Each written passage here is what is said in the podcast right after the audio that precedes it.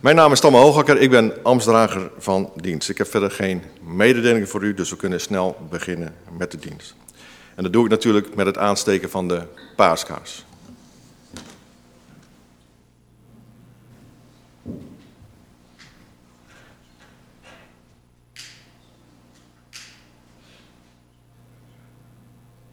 voor de luisteraars thuis, paaskaars heeft een mooie kruis, de regenboog en de duif van hoog. We kunnen niet inzoomen, want de camera is weg, dus we hebben niet beperkt de camera. Maar dan weten mensen ook thuis wat ik hier aan sta.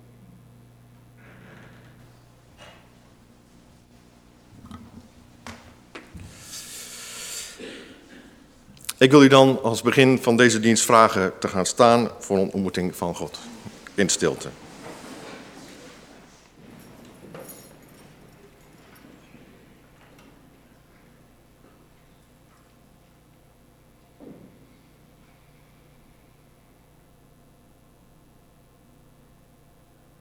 Dank u wel. We beginnen met het zingen van het lied Daar juicht een toon. En dat doen we samen met de gelegenheidskoor, begreep ik. Dus die zal even naar voren komen.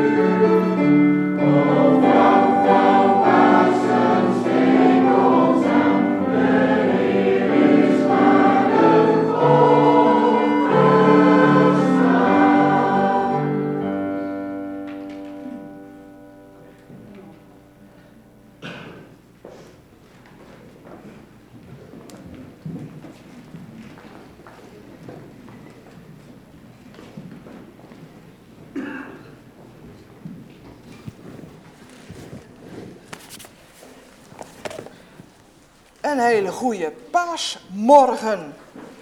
Staat hij aan? Ja, een hele goede paasmorgen, maar laten we elkaar ook eens even uh, goede Pasen wensen. Zeg maar eens tegen elkaar uh, iets als vrede of Christus is opgestaan. Uh, groet, groet elkaar eens even. Het mag weer.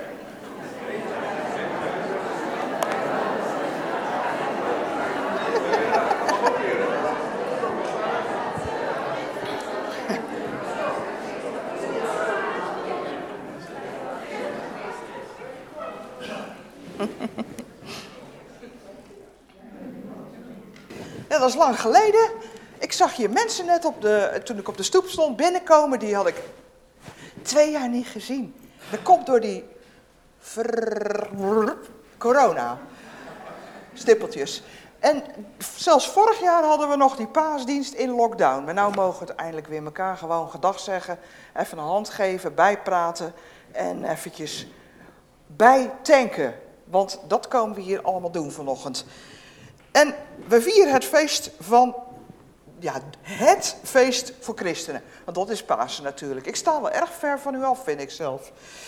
Maar het feest wat alle christenen ter wereld vandaag samen vieren, dus ook wie hier niet te zien is, die viert toch ergens Pasen vandaag. Dat is natuurlijk een prachtige gedachte. En op Pasen breekt er eigenlijk een soort schaterlach door deze wereld. Ha! Ha, ha, het graf is leeg.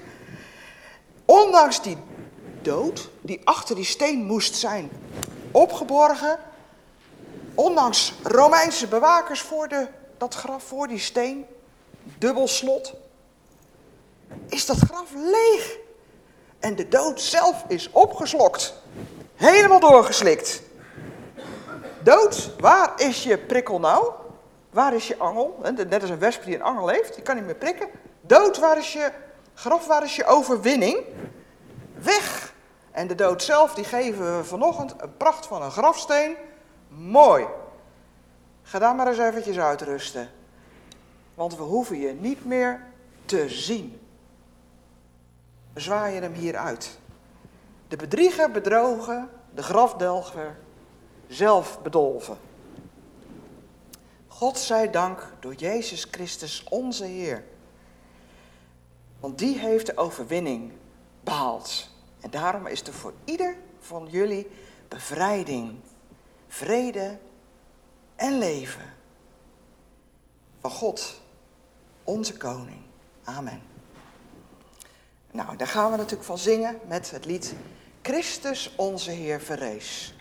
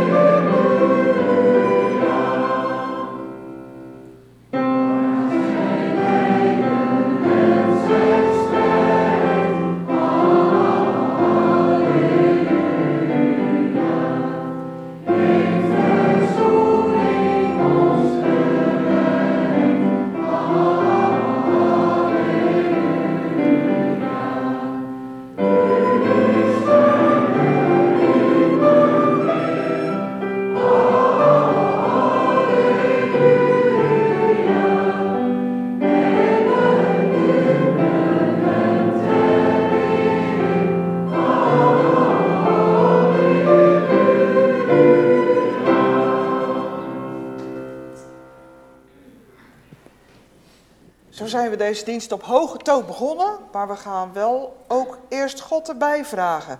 Want zonder God kunnen we deze dienst niet jubelend tot een eind brengen. Goede, trouwe Vader, lieve grote God, die deze wereld niet heeft laten zitten. U bent naar ons toegekomen. U hebt ons niet alleen willen laten in onze angsten en pijnen, ons verdriet en onze verlatenheid. U hebt gezegd, dan maar alles in de strijd werpen, zelfs mijn zoon. Zo hebt u, Heer, alles gegeven wat u had. Alles overgehad voor ons. En we vragen, Heer, kom onszelf ophalen. We zijn hier nu samen. We hebben al gezongen, we hebben gejubeld. Maar Heer, we weten dat alles wat wij doen zo vluchtig is. En dat het zomaar weer voorbij is met onze hooggestemde gevoelens. Met onze feeststemming. Het is net een ballon, één prik erin en loopt met een sisser leeg. Kom daarom zelf naar ons toe. Neem ons mee en til ons op op deze paasmorgen om dicht aan uw hart te mogen zijn en te blijven. Neem ons mee in dat leven wat u voor ons bedoeld hebt. En Heer, bedenk ook aan allen in deze wereld die daar zo ver zich vandaan voelen. Ontferm u, Heer, sla uw armen om hen heen. Zo leggen we onszelf en deze wereld voor u neer. In Jezus' naam. Amen. Het gelegenheidskoor mag ik uitnodigen en gaat voor ons zingen. Het staat er ook heel duidelijk, ze zingen eerst als koor, want het is zoveelstemmig ingestudeerd. Dus dat kun je pas goed horen als zij eerst zelf zingen en daarna zingen we met hen mee. Heer God, u loven wij.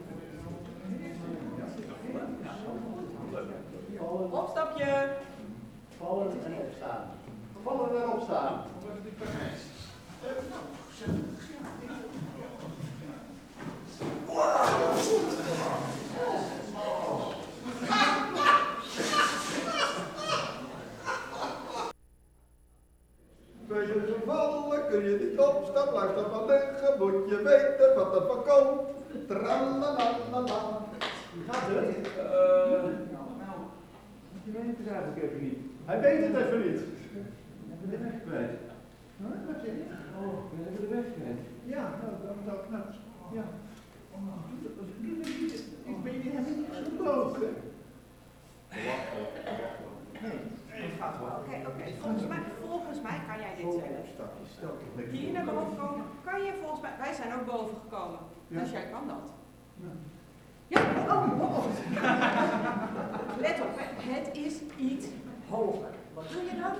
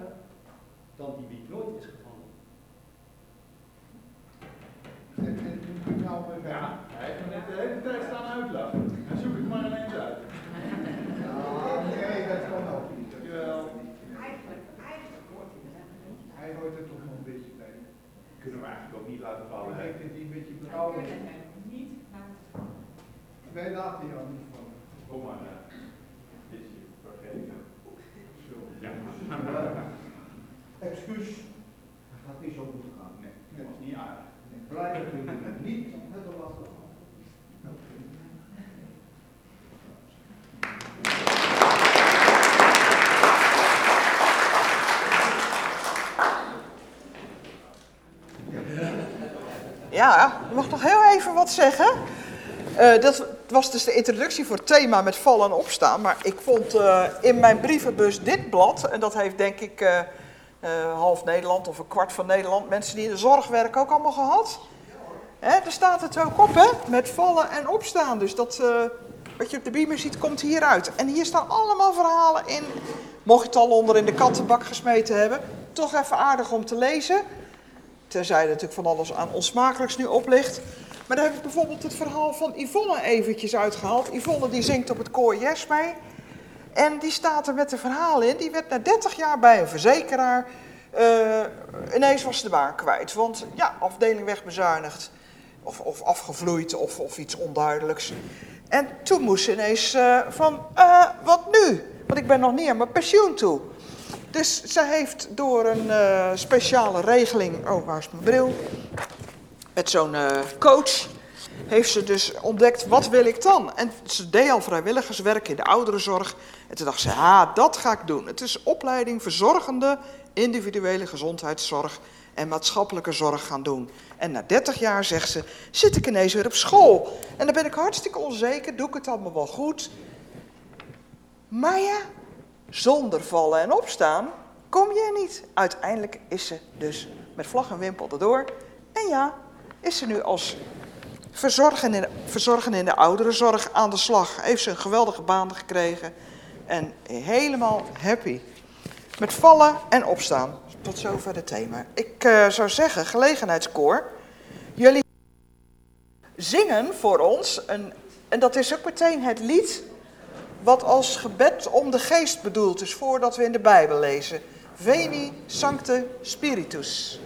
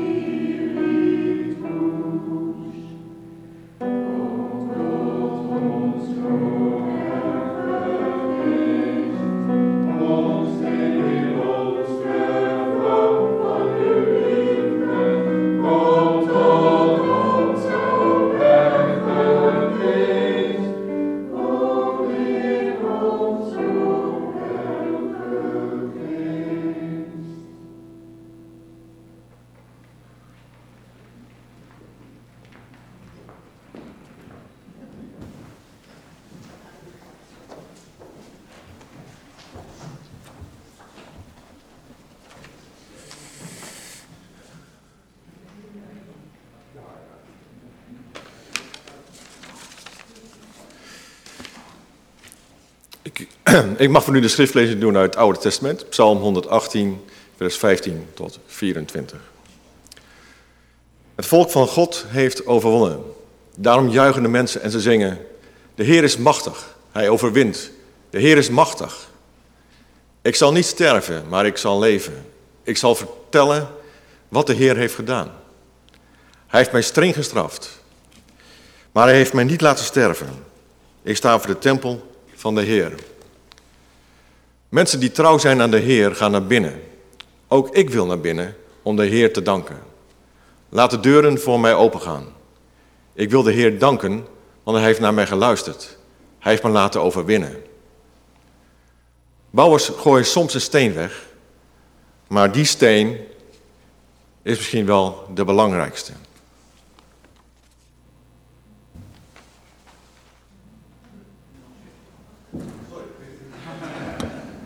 Kan niet goed lezen. Zo worden soms onbelangrijke mensen belangrijk. Het is de Heer die dat bepaalt. Wij kunnen dat niet begrijpen. Op deze dag heeft de Heer overwonnen. Laten we blij zijn en juichen.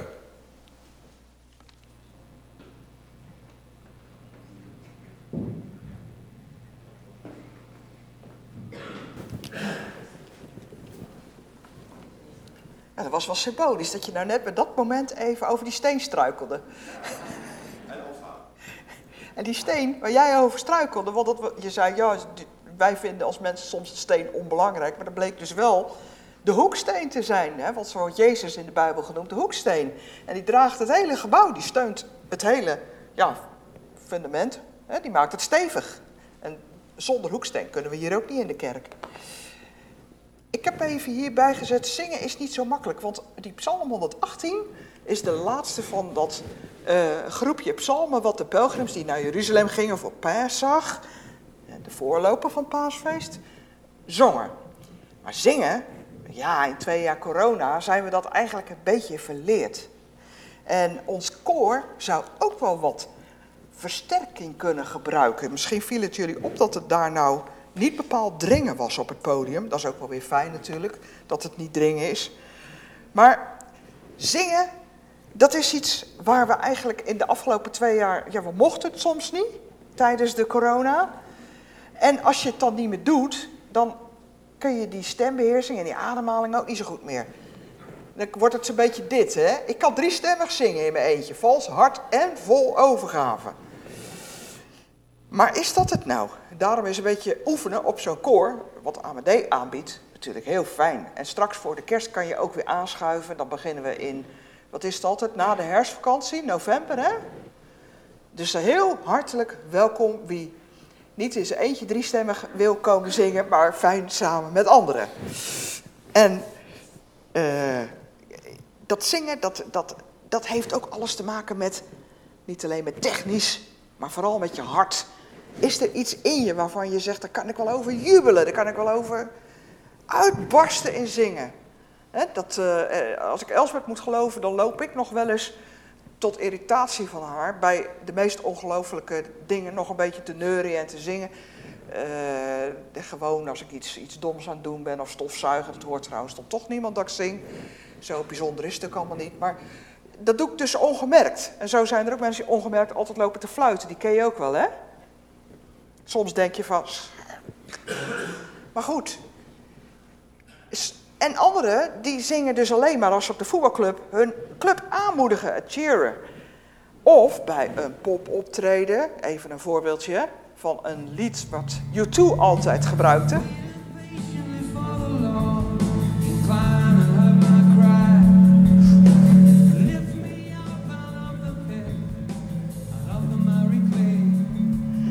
I will sing, sing a new song. I will sing. Moet je even meedoen, hè, zo. Sing a new song. How long to sing this song? How long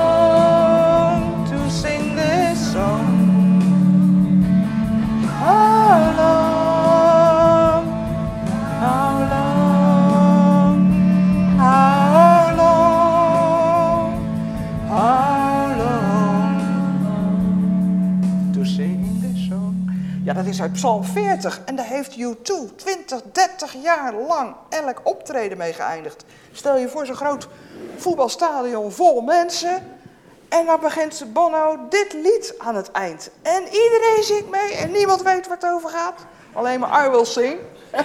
Het gaat over.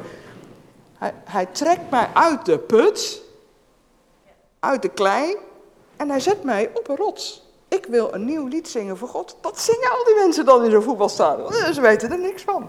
Dat vind ik zo meesterlijk, hè? Zingen dat is echt een van de meest verbindende, meest optillende uitingsvormen die we kennen. En Augustinus zegt het is twee keer bidden. Dus de kracht van zingen is twee keer bidden. daarom doe ik even een pleidooi voor zingen. En als je vandaag niet zou kunnen zingen, nou dan weet ik het niet. Want wij mogen vandaag het leven vieren. Dat Jezus voor ons de overwinning heeft behaald. En het gelegenheidskoor mag ik nou weer uitnodigen voor het lied Crown Him with Many Crowns. En daarna zingen we als hele gemeente Kroon hem met gouden kroon, de Nederlandse tekst.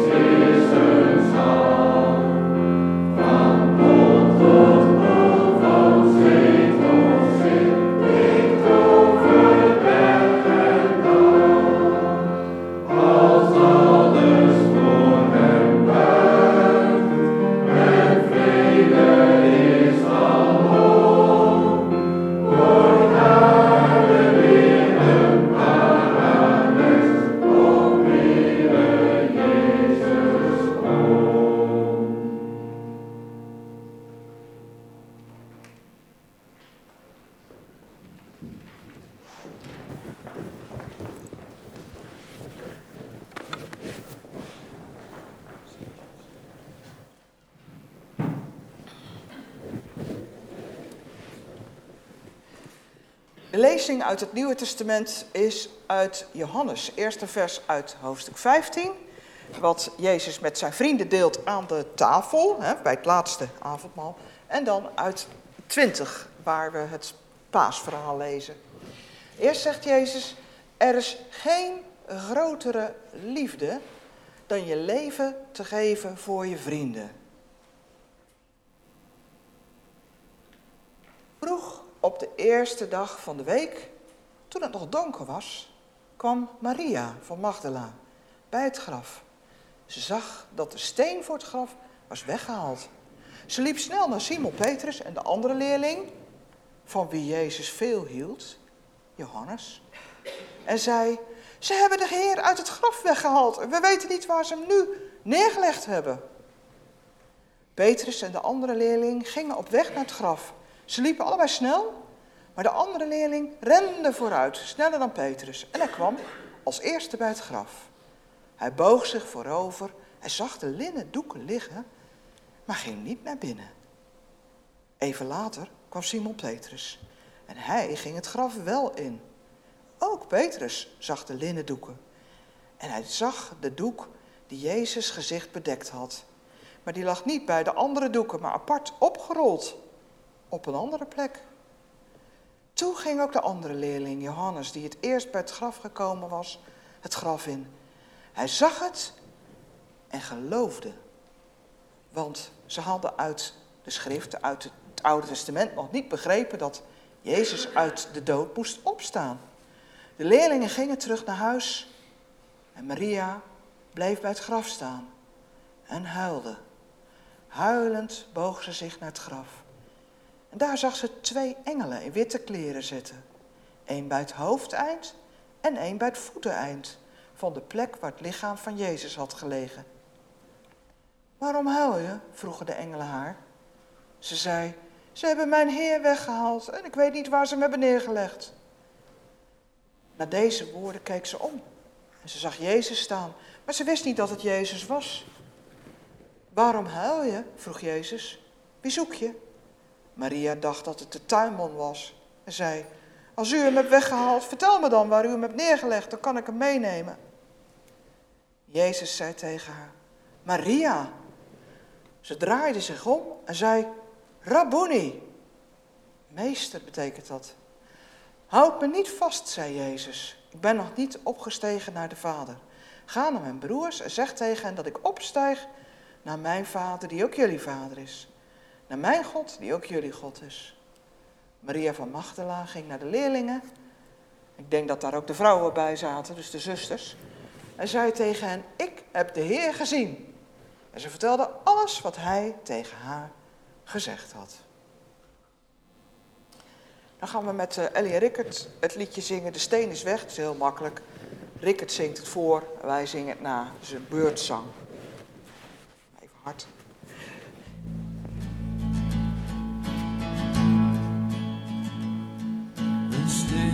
Op het graf, die kan er niet af.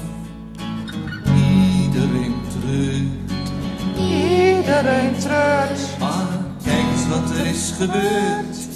Kijk eens wat er is gebeurd. De steen is weg, De steen is weg. de lucht is vrij.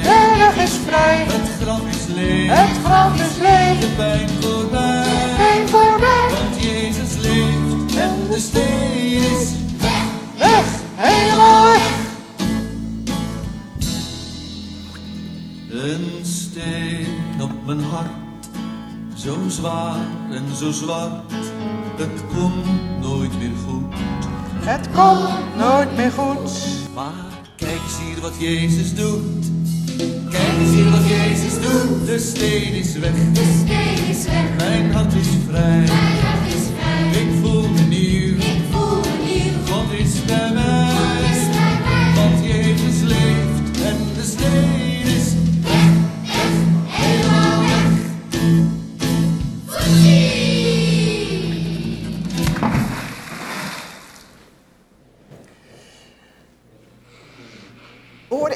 Jezus' eerste woord.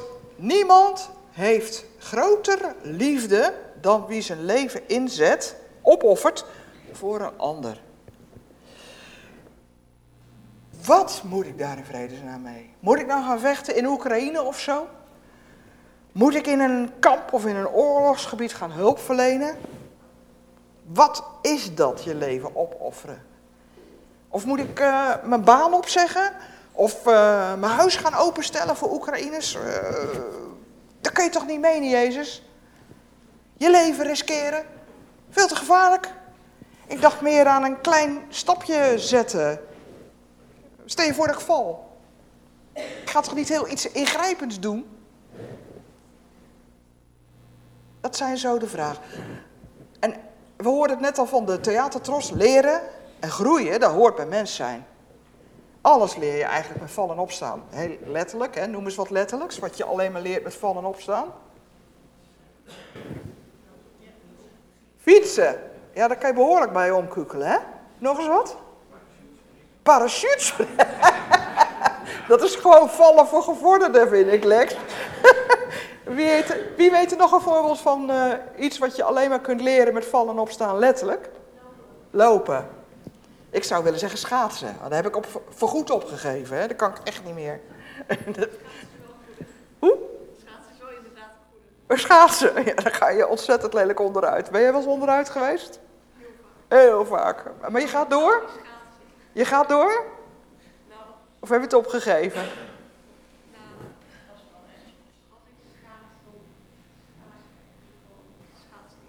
Je schaats niet echt, je doet een beetje klunen. Ook een hele vervelende paardrijden. Wie is er wel eens van een paard gevallen? Zo'n ding van twee meter hoog. Maar toch leer je het alleen met vallen en opstaan, hè? Autorijden. Nee, dat uh, levert wel erg veel kreukels op. Schrijven. Liefhebben. Liefhebben leer je ook met vallen en opstaan. Werken. Studeren. Alles. Er is gewoon eigenlijk niks te bedenken wat je niet leert met vallen en opstaan, al is het dan niet letterlijk. Toch? Schrijven, weet je nog? Een inktvlek in je schrift. Bladzijde eruit en overnieuw beginnen. Nu hebben we gelukkig een computer. Delete. En als je bang bent om te falen of te vallen, dan sta je jezelf in de weg om te leren. Hier staat het al, vallen is niet erg, maar blijven liggen, dat is erg. Misschien ben je eigenlijk wel dan een beetje bang voor het leven zelf, als je niet durft te vallen of te falen. En nog zo'n omdenkertje, dat is, wie valt en weer opstaat, is sterker dan wie nooit gevallen is. Dat hoorde ik, geloof ik, mijn dat ook net zeggen. Hè, dat je er alleen maar moed krijgt door vallen en opstaan. Nou, Jezus. Nou, die had helemaal niet hoeven vallen en opstaan. Die had helemaal niet hoeven komen. Waarom? Hij had het goed bij zijn vader in het paradijs.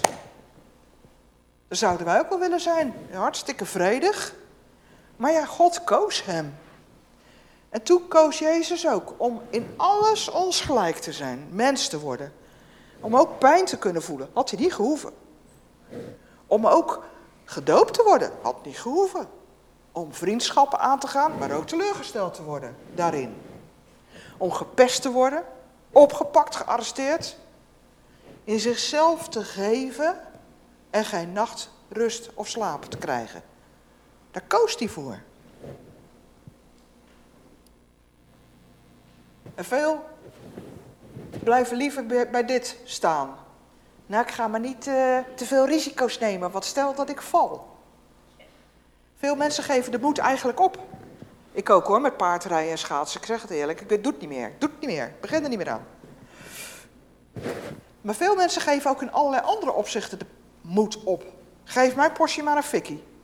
Mijn portie hoop op vriendschap of op liefde. Op een relatie. Op kinderen. Op een baan. Op, op je gezondheid. Een kans in het leven. En dan denk ik, zijn we dan bang geworden om te leven? Zijn we ook bang om te vallen? In de liefde bijvoorbeeld? Ik begin er maar niet meer aan, aan een relatie. Bang dat er geen vangnet is? Het lijkt wel of we in Nederland softer dan ooit zijn geworden. En naar onze kinderen toe nog beschermender. Alsof er nooit meer, nou niet dat ik zeg we moeten weer terug naar lijfstraffen of zo, maar eh, eh, harden we onze kinderen nog voor het leven? Zijn we zelf nog een beetje gehard om tegen tegenslag te kunnen? Zijn we nog wel stevig genoeg? Hoe is dat gekomen? En dan denk ik wel eens, het lijkt wel of ons land God mist. Als een vangnet, als een eeuwig thuis. Je veiligheid van binnen voelen bij God, kennen we dat nog? Zelfs over de dood heen. Dat die dood niet het einde is. Missen de mensen niet een soort zicht op de dood, dat het maar een deur is naar eeuwig leven? Zo eens even wat inleidende vragen. Nou moet ik wat uh, opbiechten. Nou, opbiechten, maar het is een beetje intiem om te vertellen. Maar ik had een droom vorige week. Nou, droom ik altijd wel. En als je dan wakker wordt, misschien ken je dat, dan weet je nog wel wat je gedroomd hebt. En een minuut later denk je aan koffie of iets aan je agenda en dan ben je het alweer kwijt. of ik moet naar de wc en dan is het ook alweer weg. Maar ik droomde dat ik in het paradijs was. Serieus. En ik kwam ook weer terug in het leven. Ik weet niet na hoeveel tijd. En ik weet wel dat ik het gevoel had dat ik weer opgewekt werd uit de dood. Misschien was ik al te veel met mijn paaspreek bezig. En in die droom ervoer ik dus dat, dat paradijs als een geweldige, onbeschrijfelijke rust. Vrede. Als een slaap ook. Ik heb er dus weinig van meegekregen van het hele paradijs, geloof ik. Ik weet alleen dat ik daar sliep. Ja, dat is ook wat, dan ben ik in het paradijs. En vroeger dacht ik, nou, dan stel ik me dan een soort tropisch eiland bij voor met schatkisten vol bounties. Heerlijk in de zon, een beetje zwemmen. Zo stelde ik mij het paradijs voor. En nu alleen maar slapen. Niets hoefde. En was ik dan bij God? Kan ik me ook niet zo herinneren dat ik dat voelde. Maar ik was niet meer bij God dan ik nu bij God ben. In mijn dagelijks leven. Daar ging het dus ook niet om. En wat ik nog het meest van die dromen heb overgehouden, is dat ik weer terugkwam. En dat ik aan iedereen moest gaan uitleggen waar ik wel geweest was en wat ik daar dan had ervaren. Waar ben je zo lang geweest? Hoe was het daar? Ik mocht slapen. Het was eigenlijk niet uit te leggen. En ook heel raar was dat ik dacht, ja, nou ga ik gewoon weer verder door met aftakelen en ouder worden. Ik word 60 dit jaar. En dan mag ik straks nog een keer sterven. Twee keer, wat een gedoe. Net als Lazarus. Waarom opgewekt worden? En dat, dan, dat je dan niet voorgoed meteen bij God mag blijven. Voorgoed samen. Wat een gedoe. Dat twee keer sterven. Ik was helemaal niet jaloers op Lazarus eigenlijk ineens. Ik weet alleen nog wat me blijvend van die droom bijbleef. Dat ik even via Gods ogen mocht kijken. En die onbeschrijfelijke vrede meemaken. En dat ik dacht, zo kijkt God er naar uit dat we altijd met Hem samen in het paradijs zijn. Die onbeschrijfelijke vrede met elkaar meemaken. Dat zijn zoon veilig bij Hem thuis is en wij met Hem. Allemaal samen. En dan is het eigenlijk het cirkeltje rond, want God schiep een tuin en noemde dat paradijs. Een heel perfect leefklimaat. Ja, daar maken wij mensen dus zo'n zooi van. En God noemt die tuin in, in de Bijbel ook wel een wijngaard. Daarom hebben we dat beeld van de wijngaard in de hal hangen. En als een soort eigenaar zet hij daar mensen in aan het werk, verzorgers. En die moeten daar druiven oogsten om heerlijke wijn te kunnen maken. Maar Jezus vat de hele geschiedenis zo samen. Die verzorgers, de mensen van de wijngaard, die smijten de boodschappers en de controleurs van de eigenaars steeds weer die wijngaard uit. Zout op, we hebben maar geen zin in controles. En dan denkt de eigenaar, nou dan stuur ik mijn zoon maar, die zullen ze wel ontzien. Maar nee, die laten ze zelfs sterven, die doden ze. Ze vermoorden hem. Zo hebben ze de macht gegrepen over de wijngaard. Doet me denken aan onze westerse wereld. Onze westerse wereld heeft God ook dood verklaard, hè? God bestaat niet. We zijn naar de maan geweest, we hebben het niet gezien. Nu zijn we lekker zelf de baas. Maar God huilt. En God verlangt terug naar dat paradijs. En op die paasochtend, bijna 2000 jaar geleden nu, heeft God zijn eigen zoon opgewekt uit die dood. Snappen wie het snappen kan, hè? want met je verstand lukt dat niet. God heeft zoveel teleurstelling en verdriet moeten verwerken door wat wij met zijn tuin, zijn wijngaard gedaan hebben. En dan geeft hij toch zo'n enorm cadeau aan de wereld. Dat snap je toch ook sowieso niet?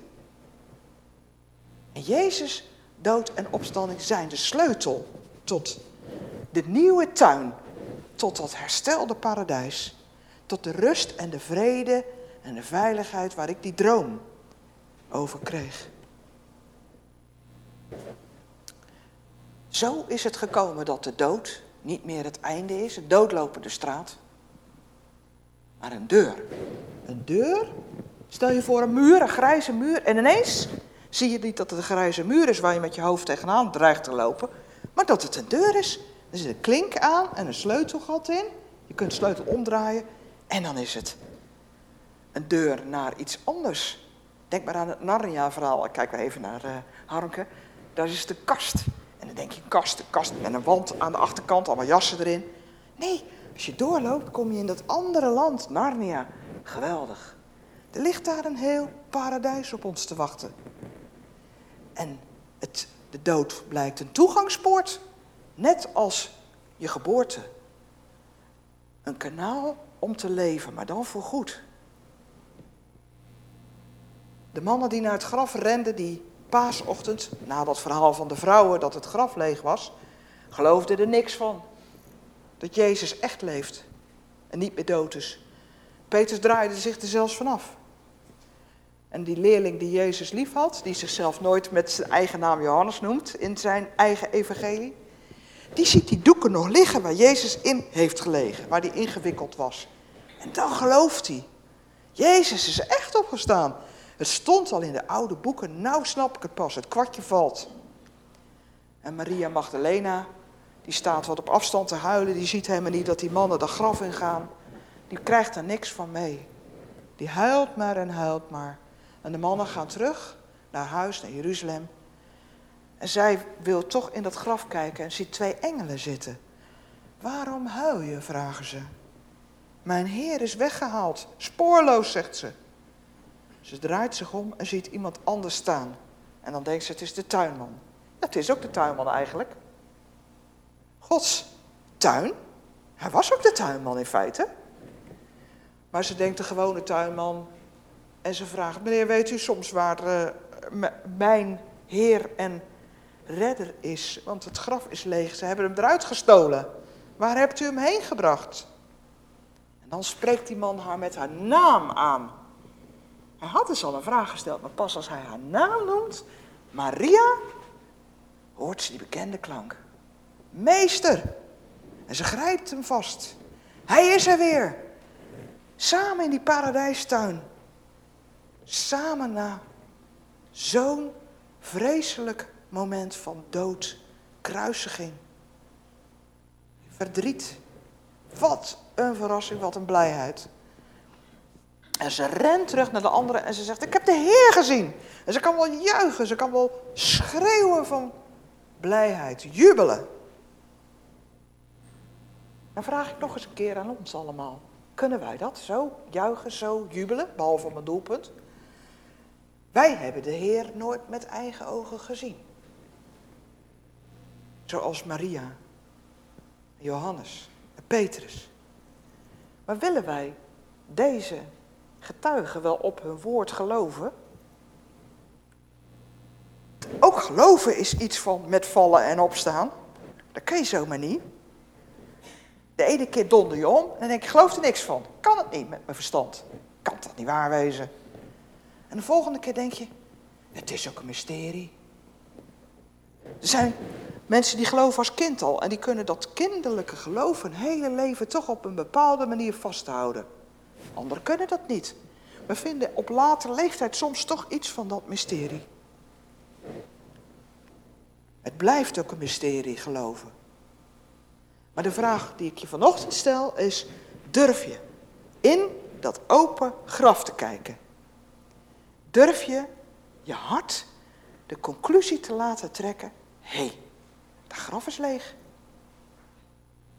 Denk erom, zonder vallen, geen opstaan. Voor ieder van ons. Zonder moed en stappen zetten kan je niet leven. Het begint met je ervoor openstellen. Kijk eens in dat graf.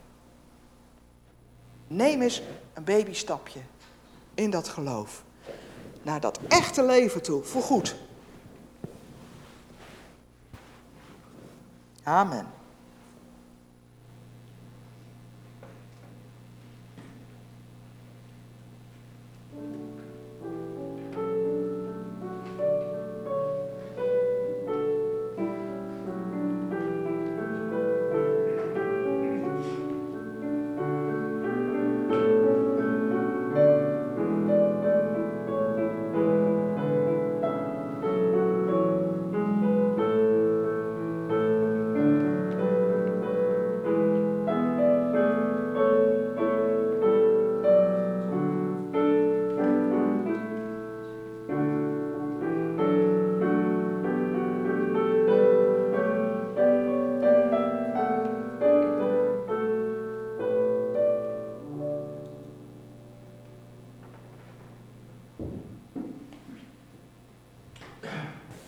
Vond een mooi middeleeuws gedicht.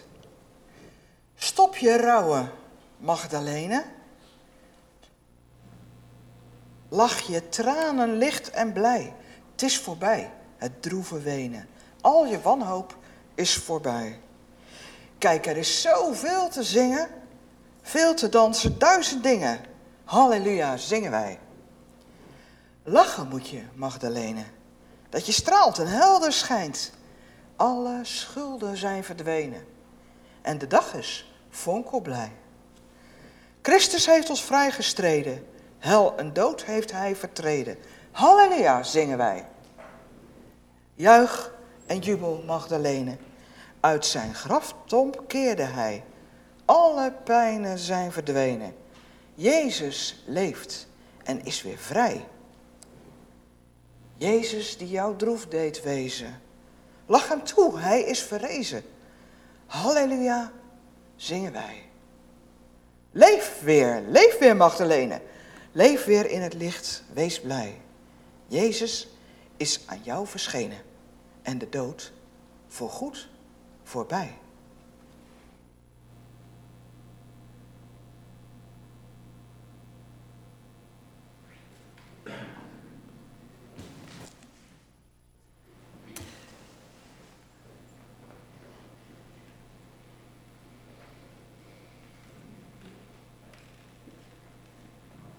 Tammo haalt, voor wie dat gebruik niet kent bij ons, het voorbedenboek op. Daar mogen mensen voor de dienst hun gebeden inschrijven, die we dan meenemen straks.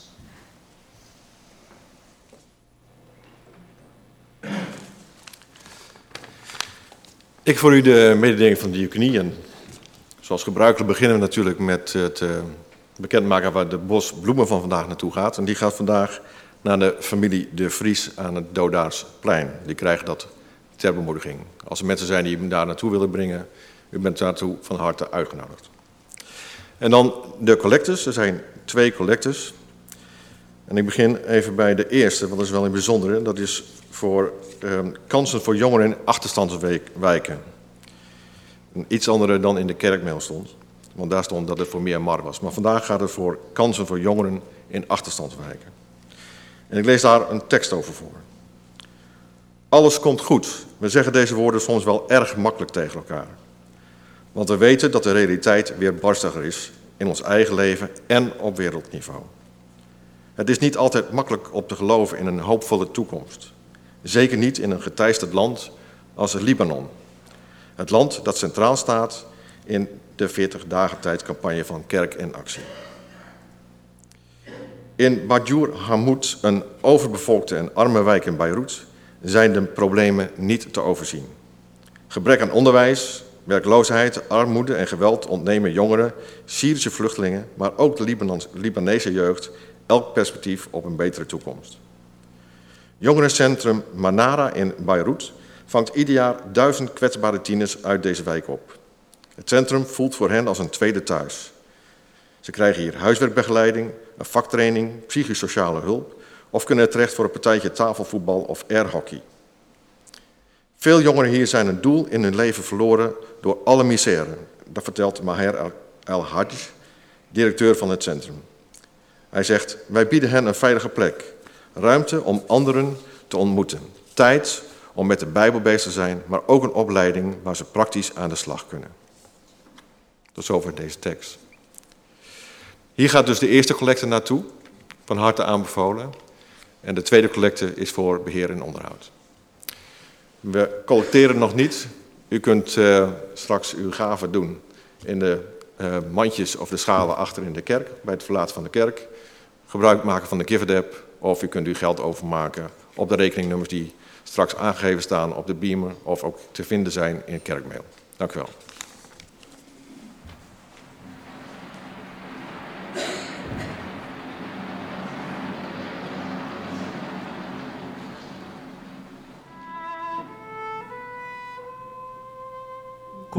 Goed? Voor jongeren die de oorlog in Syrië ontvlucht zijn, is dat een spannende vraag. God belooft een nieuwe wereld, zonder pijn en verdriet. Hij vraagt ons daar hier op aarde al iets van te laten zien. Bijvoorbeeld door vluchtelingen onderdak te bieden, zoals Mukhtar, Farouk, Saïn en Kala in Libanon. My family and I were saved twice from dying during the war in Syria, but finally, finally we made it here to Lebanon.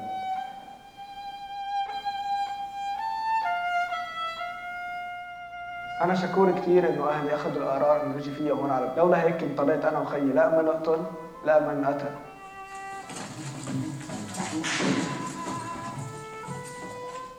جينا على لبنان وبتذكر فتنا بغرفة واحدة كنا بس خمسة أشخاص بالعائلة وهيدا الغرفة كانت كتير تشتي مي إنه تنقط مي Op zijn elfde werkte Mukhtar in een zeefabriek in Libanon en kon hij niet naar school. Dat gold ook voor Kalla.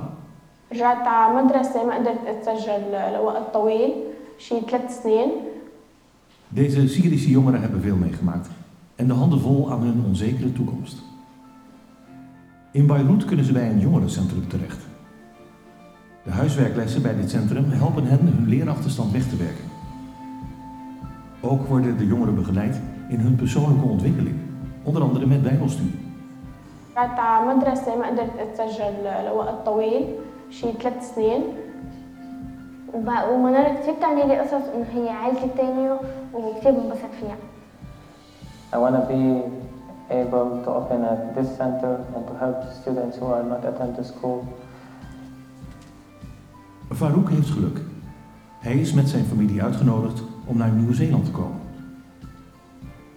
بدي اشكر المناره لان هي لها مكان كثير كبير بقلبي وين ما رحت ما راح انسى اللي عملته معي ابدا We don't know what is our future here, but please uh, pray for us and keep supporting us. Thank you and may God bless you. Geef de hoop van Pasen door, in het geloof dat alles uiteindelijk goed komt. Ook voor deze Syrische jongeren in Libanon.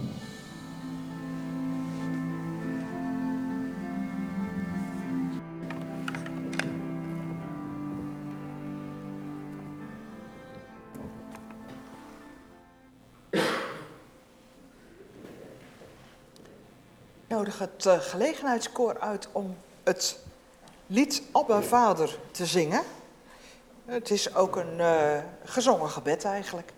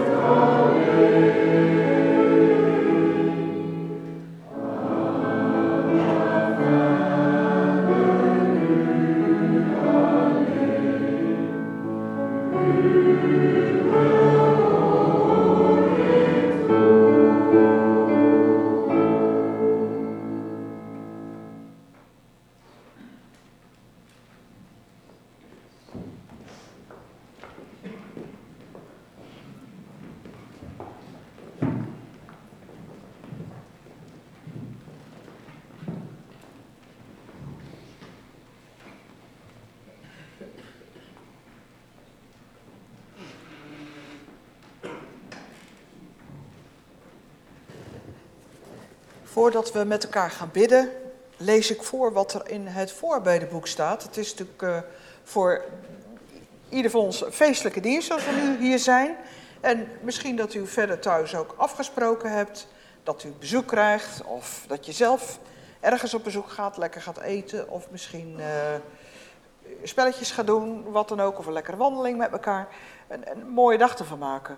Maar er zijn mensen voor wie zo'n feestdag uh, heel moeilijk is. Want uh, je kan op zo'n dag iemand ongelooflijk missen. En voorbeden is gevraagd voor gezinnen die nu iemand moeten missen. Bijvoorbeeld doordat hun kind of kinderen uit huis geplaatst zijn. Nou, dat lijkt me een hele goede om ook voor te bidden. We gaan God opzoeken en we sluiten samen af het gebed met het samen bidden van onze Vader.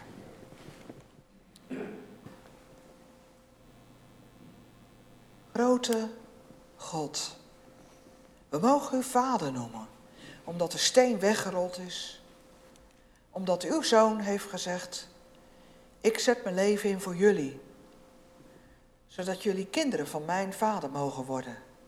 Dat we echt broers en zussen worden. Dat we echt bij elkaar zijn en mogen horen door een band die niet te doden is, die ook niet sterft als we zelf sterven. Deze band blijft over het graf heen bewaard. Voor goed. Dank u wel voor die hoop. Voor deze, dit houvast, dit vangnet in ons leven. Voor, ja, zoals we het ook wel noemen, een anker voor onze ziel. Wil met, met ons meegaan en dit besef ook ons meegeven. En dat het ons bijblijft van deze zondag. Dat we het met een eeuwig houvast mogen doen. Dat er voorgoed een leven voor ons is en dat ook vandaag aanbreekt.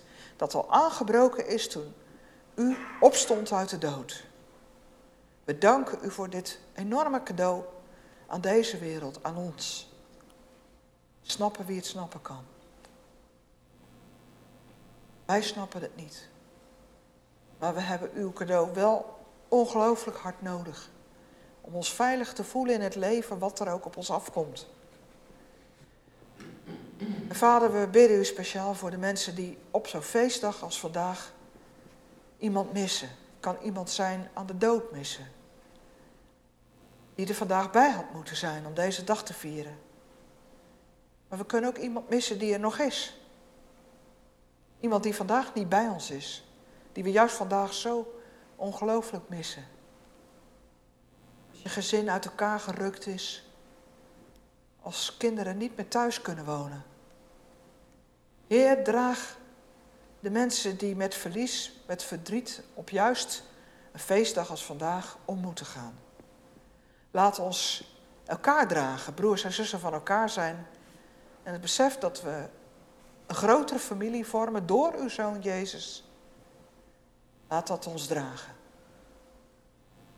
We bidden u in stilte voor allen die u zo hard nodig hebben.